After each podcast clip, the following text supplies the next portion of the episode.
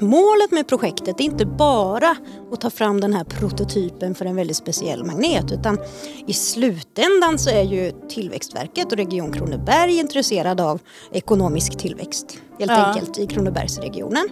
Ehm, ja, och man vill ju stärka och utveckla företagens teknikkunskap och innovationsförmåga och så vidare. Kalla magneter är miljövänliga, energisnåla och supraledande. De kan användas vid stora forskningsanläggningar och för att lyckas tillverka dem krävs samarbete mellan forskare och industri. Du lyssnar på Forskarpodden vid Uppsala universitet och det här avsnittet produceras av mig, Annika Hult. Ja, jag heter Maja Olvegård och jag är forskare i fysik vid Uppsala universitet. Och du är projektledare för ett stort samverkansprojekt om eh, kalla magneter eh, som ska tillverkas i Småland och sen användas vid stora internationella forskningsanläggningar. Eh, och vi kanske ska börja från början. Eh, vad är egentligen kalla magneter? Ja, Kalla magneter, vi kan ju börja med att, att prata om vad det är för sorts magneter. Inte bara att de är kalla utan det rör sig om elektromagneter. Så att man använder en elektrisk en elledning för att generera ett magnetfält. Eh, Och sådana använder vi ju. Sådana har vi lite varstans. Högtalare och, och transformatorer och så vidare. Eh, Men det här är specifikt för partikelacceleratorer då. Ja. Och vi vill ha väldigt kalla magneter, nämligen supraledande magneter. För att då få de här magneterna lite speciella egenskaper som vi, som vi, eh, som vi vill ha. Vad är det för egenskaper då? Jo, men när man gör dem kalla, eller rättare sagt supraledande, då måste vi ner till minus 271 grader Celsius. Så det är nästan så kallt som det kan bli. Ja, 2 Kelvin, så 2 grader över absoluta nollpunkten. Ehm, och då, ehm, då får den här ledaren som vi använder för att generera magnetfältet, då blir den supraledande och då har den ingen elektrisk resistans. Och om den inte har någon elektrisk resistans så bildas det heller ingen värme och vi får inga, i princip inga energiförluster när vi driver magneten. mm. Så då sparar vi en massa energi. Eh, och dels, ja, dels så sparar vi eh, energi och dels så kan man nå mycket kraftigare magnetfält än vad man skulle kunna med en varm magnet. Och det är det man behöver då för de här eh, forskningsanläggningarna. Ja, i vissa fall behöver man ju väldigt kraftiga magnetfält. I vårt fall handlar det inte, just den magneten vi utvecklar inte så jättekraftigt men ändå tillräckligt kraftigt för att man ska vilja göra den kall. Eh, och sen så är det just det här att vi vill inte behöva slösa massa energi när vi ska köra den här magneten dygnet runt, nästan året runt. Och hur stora är de här magneterna? Den här magneten vi utvecklar den är ungefär en meter lång. Och så är det lite som en, det är en cylinder kan man säga och den har ungefär en halv meter i diameter. Mm. Så det är som en cylinder helt enkelt? Ja, det det är så som en cylinder. Och då är ju våran bara ett, ett exemplar. Det finns ju mycket mindre kalla magneter och så finns det mycket, mycket större kalla magneter också. Mm. Eh, precis.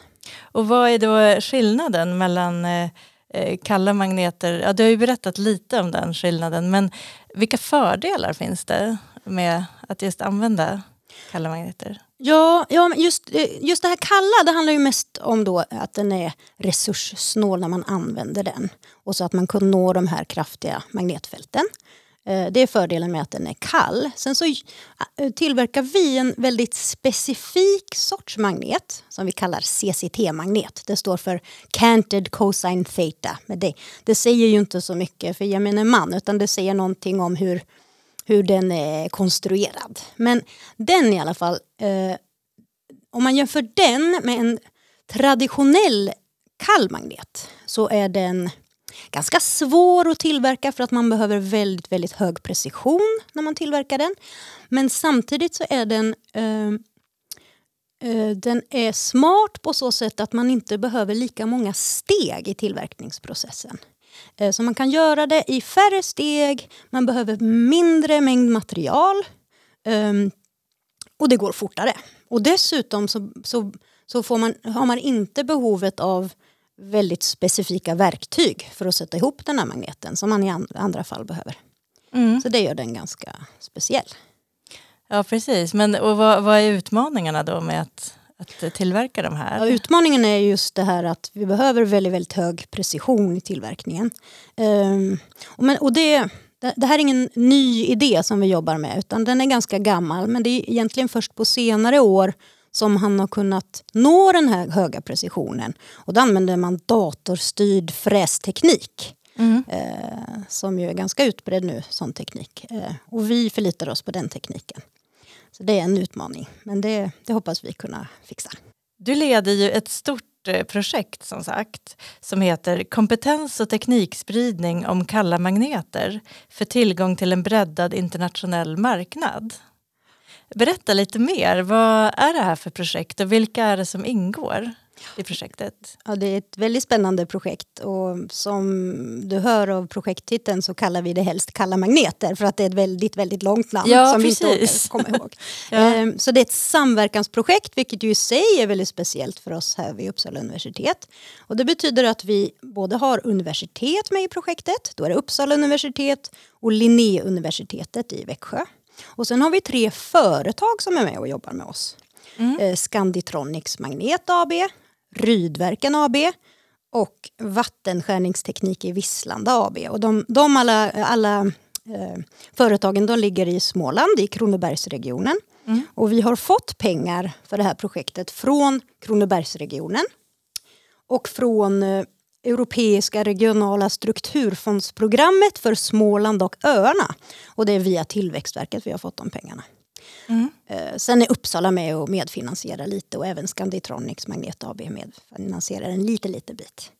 Eh, och just det som är speciellt med det här då är att målet med projektet är inte bara att ta fram den här prototypen för en väldigt speciell magnet utan i slutändan så är ju Tillväxtverket och Region Kronoberg intresserade av ekonomisk tillväxt helt ja. enkelt i Kronobergsregionen.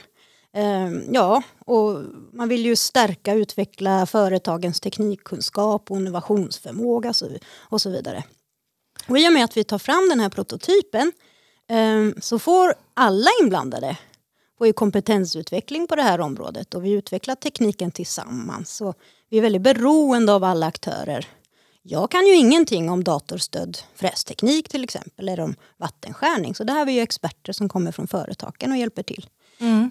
Så ingen av oss som deltar kan ju göra det här själva utan vi måste jobba tillsammans.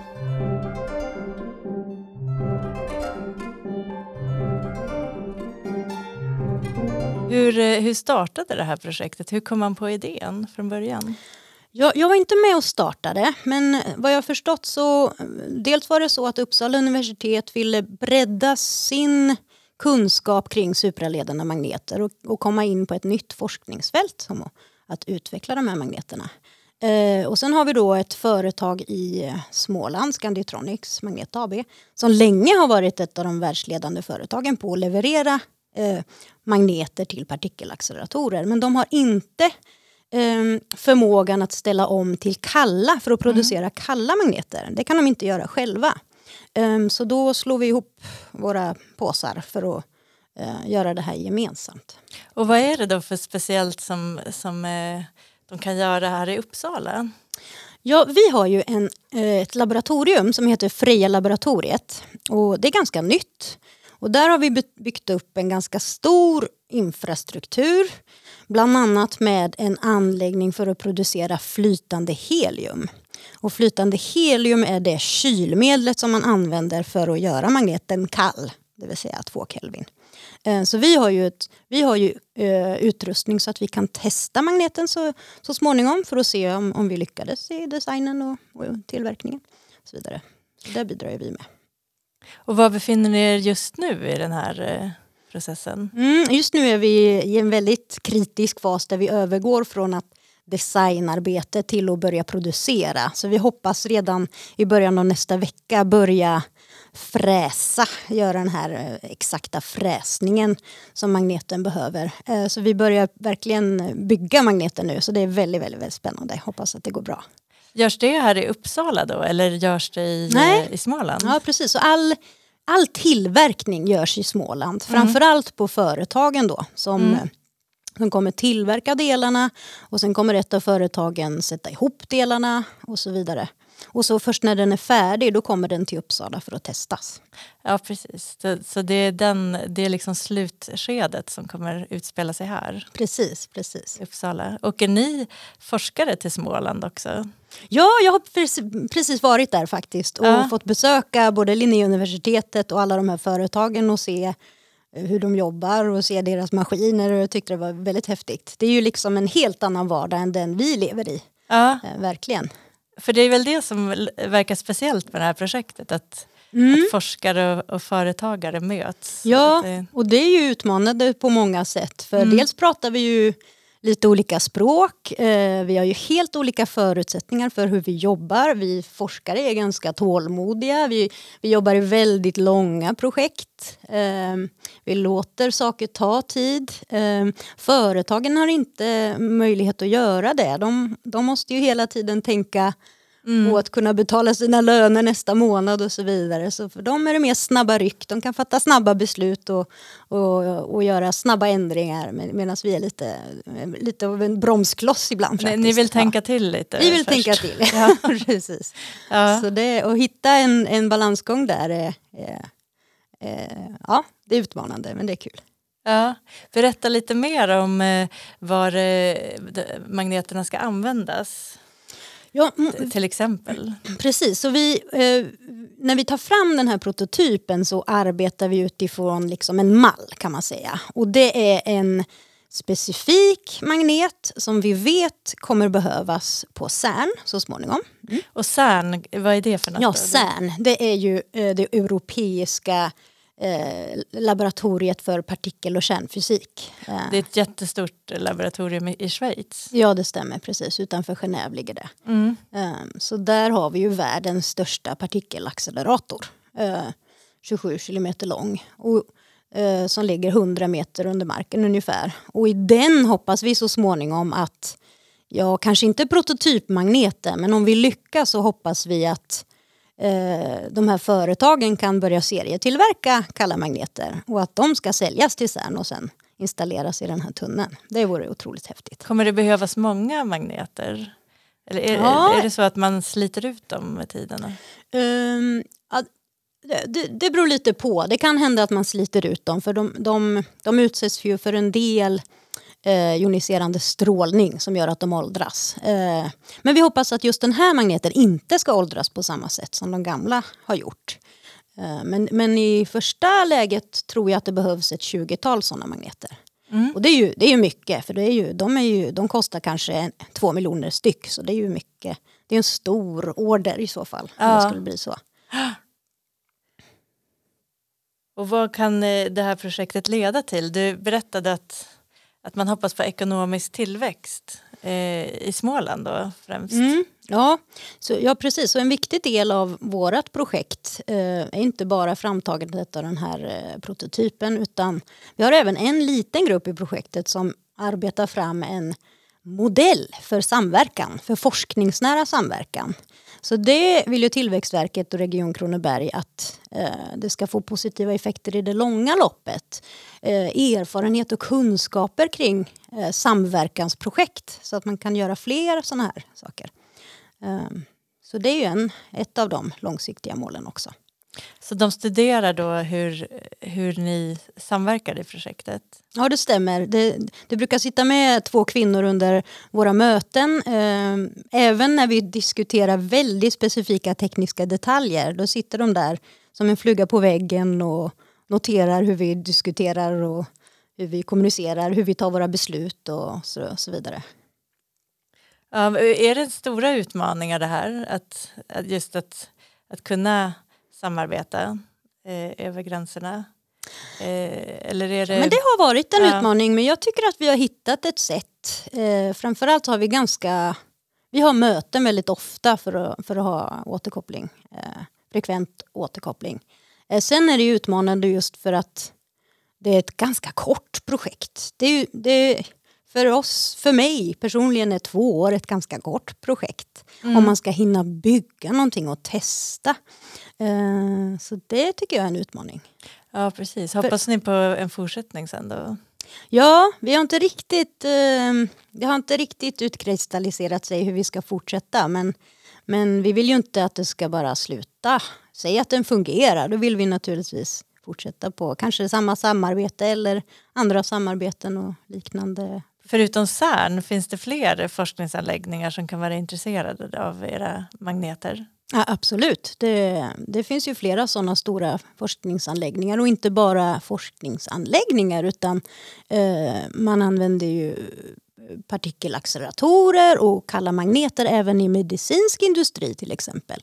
Och om jag vore företag så vore det förstås en väldigt attraktiv marknad. Och för mig som forskare också, väldigt spännande forskningsfält. Ja precis, så, så, så det är ju någonting som, som kan få också kanske användningsområden som vi inte känner till idag. Så. Ja, så är det ju alltid med forskning. Eh, det kan ju alltid leda i en helt ny riktning som man inte väntade sig. Eh, och det är ju det som är spännande.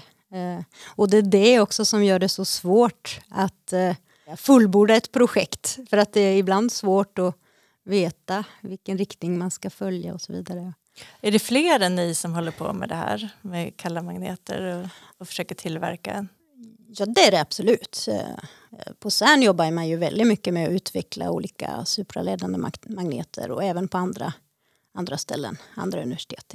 Så det finns en konkurrens på det här området? I viss mån kan man säga att det finns en konkurrens för alla vill ju ta fram den absolut bästa supraledande magneten men samtidigt varje magnet har ju sitt eget eh, tillämpningsområde och, eh, så att jag skulle snarare säga att det finns ett brett samarbete. Vi vill mm. ju alla uppnå samma mål. Så att säga. Och det är ett teknikskifte det handlar om helt enkelt att man, man hittar ett, ett nytt sätt att Just i vårt projekt så handlar det om ett teknikskifte. Vi jobbar ju mot ett teknikskifte. Eh, men i världen så har det ju på vissa områden har det ju redan skett det här teknikskiftet. Så att huruvida man använder kalla magneter eller de vanliga varma magneterna det beror väldigt mycket på vad det är för tillämpning. Man kan säga att det sker ett teknikskifte eh, inom vissa medicinska områden. Att där har man inte använt kalla magneter i särskilt stor utsträckning men att det är många som är intresserade av det just nu.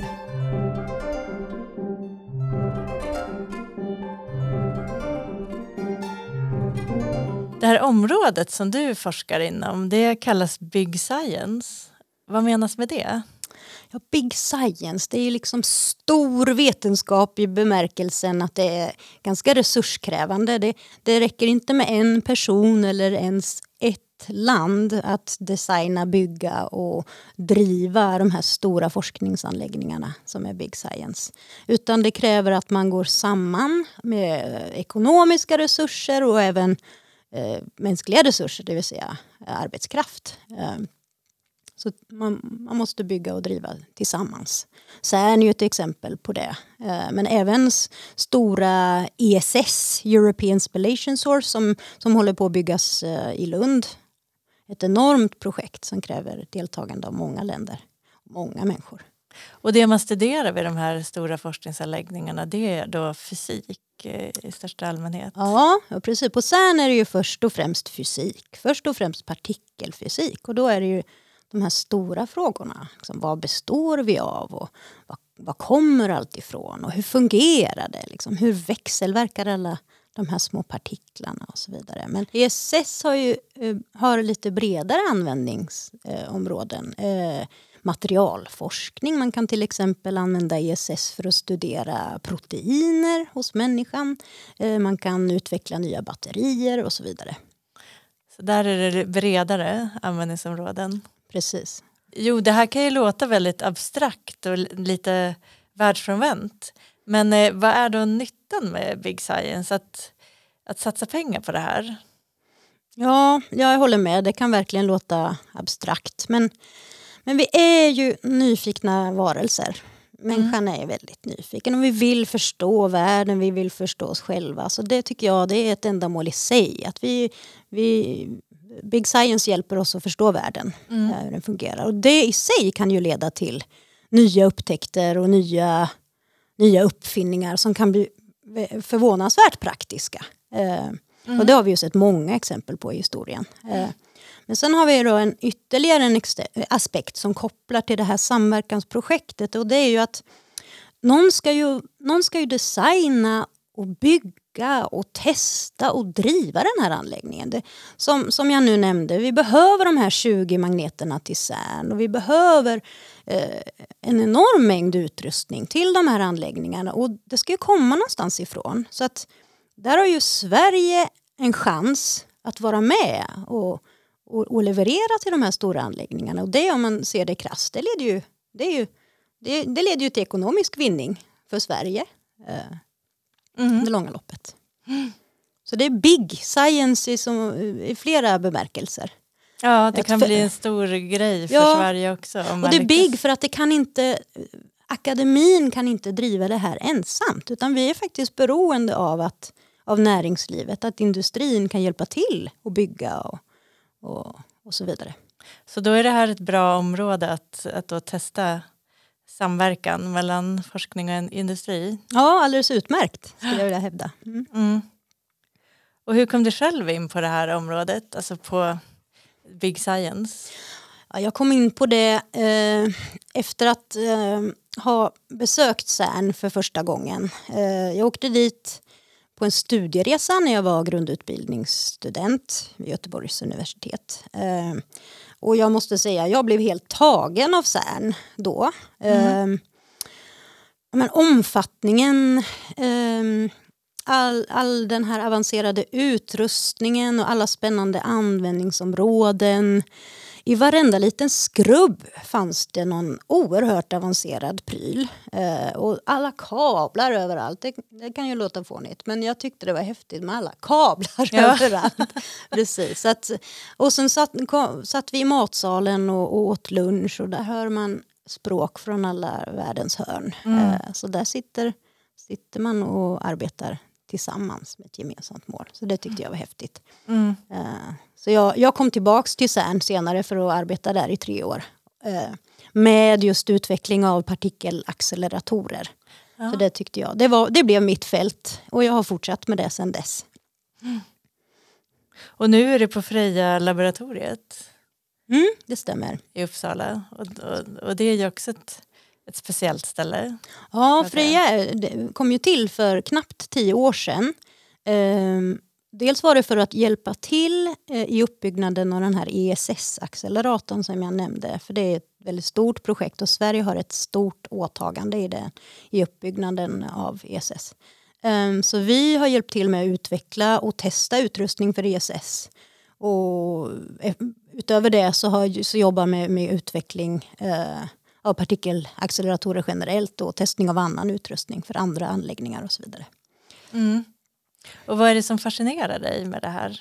Det som fascinerar mig är kanske att eh, det är de här partikelstrålarna som vi har i partikelacceleratorn. De är så otroligt små. Man kan inte se de här partiklarna. Man kan inte ens se strålen. Och ändå så kan vi oerhört sofistikerat kontrollera dem. Eh, styra partiklarna och fokusera partiklarna. Och, ja, I viss mån i alla fall välja vad de ska göra och vad de ska vara och när och så vidare. Och det tycker jag är fascinerande. Och det här är då bygg, byggstenarna på något sätt i universum, partiklarna, kan man säga det? Ja, partiklarna är ju byggstenar i universum men framförallt så använder vi en partikelstråle för att eh, generera något slags energigröt. Och ur denna gröt så tänker vi att det kommer då nya partiklar, kan ibland hittills okända partiklar. Det var ju så man upptäckte den här kända Higgspartikeln på CERN för eh, några år sedan. Så det är, allting handlar om, det rör sig på väldigt liten nivå, eller? Ja. Eh, Det, är- det är små saker. Mm. Ehm, och de, de partiklarna som vi, som vi skapar de lever en otroligt kort tid. Ehm, så oftast kan man inte se dem direkt utan man måste titta på spår av sönderfallsprodukter. De sönderfaller till andra partiklar och så tittar man på spåren efter dem och så Mm. vidare. Så, att, så att det är ett, ett eh, fint pussel som man måste lägga mm. för att hitta dem. Eh, hur ser framtiden ut inom det här området? Finns det några forskningsupptäckter som väntar? Ja men det gör det säkerligen och på området partikelacceleratorer där jobbar vi ju ständigt med att utveckla dem och då är det lite olika riktningar. Dels vill man kanske nå högre och högre energi för att kunna, för att kunna undersöka nya områden för att möjligtvis hitta nya partiklar. Men sen jobbar vi även i andra riktningar, till exempel att vi vill göra dem lite mer kompakta. För det är ganska opraktiskt att ha partikelacceleratorer som är tiotals kilometer långt. Så det vore väl bättre om de rymdes i ett rum. Och då utvecklar man till exempel nya, nya tekniker för att kunna accelerera på ja, fortare helt enkelt, eller på en kortare väg. Mm. Och sen eh, får vi ju hela tiden nya användningsområden. Som till exempel, eh, vi använder partikelstrålar nu i cancerbehandling. Även i Uppsala faktiskt. Mm. Mm, så det är ett verkligt spännande område som du befinner dig i. Absolut. Absolut. Ja, lycka till i fortsättningen. Tack så mycket. Du har lyssnat på Forskarpodden med forskaren Maja Olvegård. Följ oss på Podbean, iTunes, Spotify eller andra poddläsare. Kontakta oss gärna i sociala medier på hashtag forskarpodden eller på universitetets webbsida uu.se forskarpodden. Jag heter Annika Hult och Forskarpodden produceras av Uppsala universitet med musik av Marcus Sjöblom.